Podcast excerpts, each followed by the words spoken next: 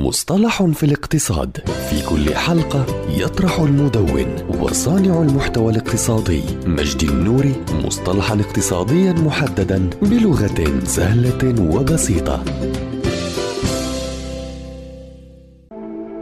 الأرض الهامشية أو الأرض الحدية أو الأرض المتدهورة أو الخاملة أو الفائضة. وهي الأرض التي لا تحظى بفرص استثمارية كبيرة أو لا توجد أي إمكانية لتحقيق الربح من خلالها. وغالبا ما تكون التربة فيها ضعيفة أو تمتلك خصائص غير مرغوب فيها. فهي غالبا ما تقع على حافة الصحاري أو المناطق المقفرة. كما يمكن اعتبار الأرض التي تبعد مسافة طويلة عن الطرق ووسائل النقل الأخرى أرضا هامشية أيضا. وتتواجد الكثير من الأمثلة على تلك الأرض في الولايات المتحدة الأمريكية حيث يمكن العثور على الكثير منها الجنوب الغربي من الولايات مثل نيفادا وأريزونا